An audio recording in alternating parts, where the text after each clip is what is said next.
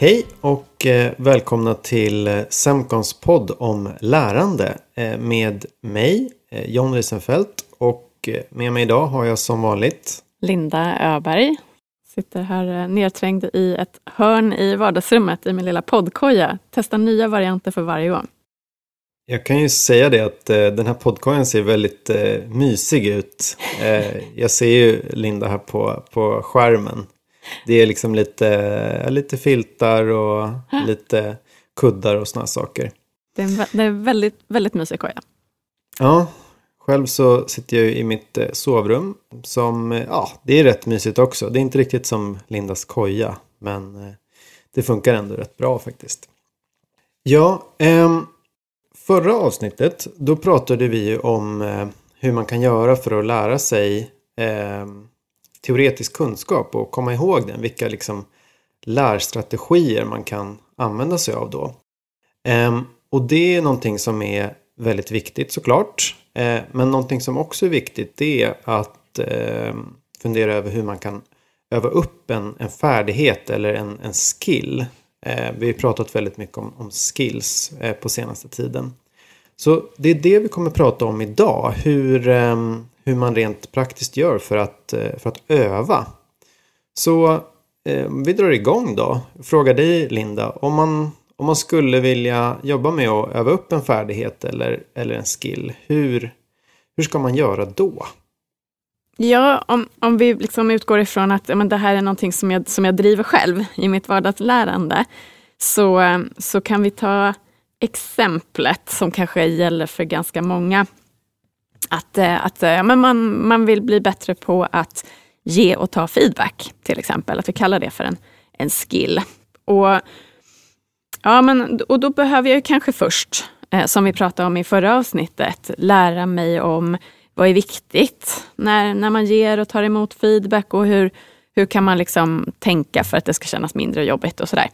Men när jag har gjort det så behöver jag ju som sagt få öva på det för att det ska kännas eh, mer naturligt och kanske mindre jobbigt. Så, och, och hur gör jag det då? Jag, ja, men, jag, jag måste ju skapa en plan för mig själv helt enkelt för att få öva. Och om jag då till exempel har ett jobb där jag, där jag träffar kunder eh, så, så kan jag ju planera att nästa kundmöte så, så antingen så ber jag kunden om feedback på hur, hur de tyckte att det mötet gick. Eller om jag till och med har en kollega med mig så planerar jag in att jag ber den kollegan att ge mig feedback efter mötet. Eh, kanske helst har jag förberett några punkter också som, som jag ber om feedback på. Eh, men så att, ja, att planera in den där praktiska övningen i min vardag. Eh, bra, men då planerar man alltså in när man ska testa eller öva på någonting och så gör man det. Och sen är man klar då? Eller? Hur ser det ut? Vi vet ju båda att det aldrig är så enkelt. Nej, man, är, Eh, man, nej, är, men- man är aldrig klar. Man är aldrig klar när det gäller lärande. Eh, Men, nej men precis, det, det är en väldigt bra fråga. För att, att det är självklart så att övningen är jätteviktig. Annars eh, så, så kommer man liksom inte vidare. Men, men det är lika viktigt att, att faktiskt reflektera efter att man har övat på hur gick det där då? Vad skulle jag göra annorlunda nästa gång? Och, och att öva igen. Och just det där då med att liksom reflektera och så. Är det bara att i största, lite, lite i största allmänhet bara. Ja, gick det bra? Gick det inte bra? Eller behöver man liksom ha, eh, ha, ha några aspekter som man ska tänka på utifrån det? Ja, men det, det är ju en eh, superbra fråga. Och, och det, någonstans så är det väl så här, eh, ja, har du liksom funderat över hur det gick så är det, så är det en jättebra bit på väg. Men eh, det finns ju modeller för sånt där. After action review brukar man använda i militären. Eh, vad planerade jag att göra? Hur gick det? Varför blev det så? Eh, vad ska jag göra annorlunda nästa gång? Ungefär så. Så, att, så att, det är, att ha med sig några enkla frågor. Ja, eh, och det här som du pratar om Linda, det är ju liksom lite mer kanske informellt lärande. Eh, och vi har ju också formellt lärande. Och exakt hur man definierar de här två, det kan man prata om ganska länge. Men formellt lärande kan man väl säga är lite mer någon slags planerad eh, utbildningsinsats. Och det är ju sånt som du och jag, Linda, jobbar med. Och vi behöver ju stödja det här som du har pratat om nu. Den här möjligheten att kunna öva för att bli bättre på en skill eller lära sig en ny skill eller färdighet. Absolut. Och hur kan man göra det här? Ja, men ett sätt det är att eh, bygga in något som kallas för worked examples i de här lärupplevelserna som vi skapar. och det är kan man säga en steg för steg beskrivning av hur man gör någonting. Ehm, och den här steg för steg beskrivningen den, den går igenom liksom hur man gör på ett bra sätt. Alltså det ska vara liksom ett, ett, ett bra exempel. Vi, vi, går tillbaka till exemplet här med, med feedback. Eh, och mm. om vi tänker då på en, liksom, en, en grundläggande nivå, om man är ganska ny eh, på det här.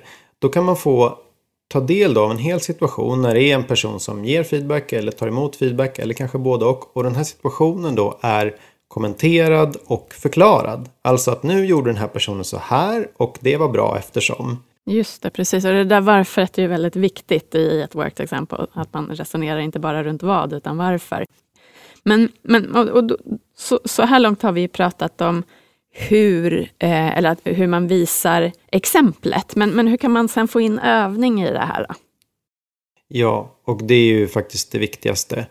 Eh, är det då så att vi skapar en, en utbildningsinsats eh, då skulle man kunna få öva på att ge och ta feedback med hjälp av ett sånt här eh, worked example.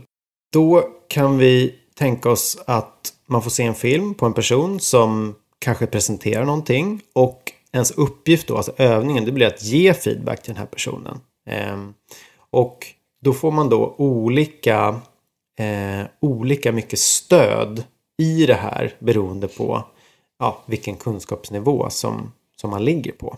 Så, så, man kan säga att det handlar liksom att lite stegvis ta bort den här eh, guidningen. Svårare eh. och svårare också då. Eh, ja, vartefter ja. jag blir bättre och bättre. Precis, det är liksom hela tanken. Att man, man ska inte behöva lika mycket hjälp när man, när man, eh, när man blir bättre på det. Nej. Så, så det blir ju ett sätt att, att bygga in eh, övning då mm. i det här. Och det är ju ett sätt att göra det på. Eh, och sådana här worked examples eh, har visat sig väldigt, väldigt effektiva och bra för, för liksom, nybörjare. Och, och, det här med nybörjare, det handlar inte om att man liksom inte kan någonting om, om ämnet, utan det kan bara handla om att du ska göra någonting nytt. Alltså inom det område som du redan kan. Mm. Då kan man betraktas då som en, som en nybörjare. Och då är de här worked examples väldigt, väldigt effektiva för att, för att öva upp en ny färdighet eller, eller en ny skill. Men man kan göra på andra sätt också, eller ja, du och jag kan göra på andra sätt när vi bygger de här mm. lärupplevelserna. Och vi kanske bygger in en, en, en praktisk övning i utbildningen. Att du går igenom en del, ett kapitel eller liknande och sen så får man en uppgift. Okej, okay, inför nästa kapitel som du ska gå igenom här, då ska du göra det här. Du ska göra det här på din arbetsplats. Eh, och det blir då att ge en uppgift med ganska lite guidning. Mm. Eh, och det är också ett sätt som kan funka bra. Men återigen som jag alltid brukar säga, det, det handlar ju väldigt mycket om målgrupp och syfte och, och mål och sådana saker. Så där är det väldigt viktigt att, eh, att anpassa. Just det. Och, och då kan man ju här har vi både exempel på, på spaced learning, att vi delar upp det i flera delar. Och så har vi övningen och då tänker jag också att när man då ses igen, om man har ett, ett utbildningspass till, eh, så, så pratar man om, då, då bygger man in den här reflektionen runt hur gick det? Eh, vad skulle jag göra bättre nästa gång? Vad behöver jag lära mig mer om? Och så vidare. Så det här är ju Precis. två väldigt bra exempel, tänker jag.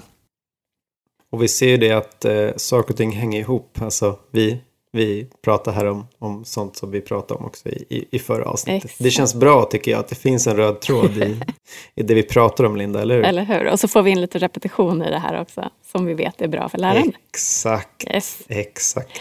Det är som att det är en tanke bakom. Det skulle kunna vara det. Um, ja men precis, och så, så, då har vi två exempel här. Um, och och vi har ju pratat om att skills, det är förmågor, det handlar om görande.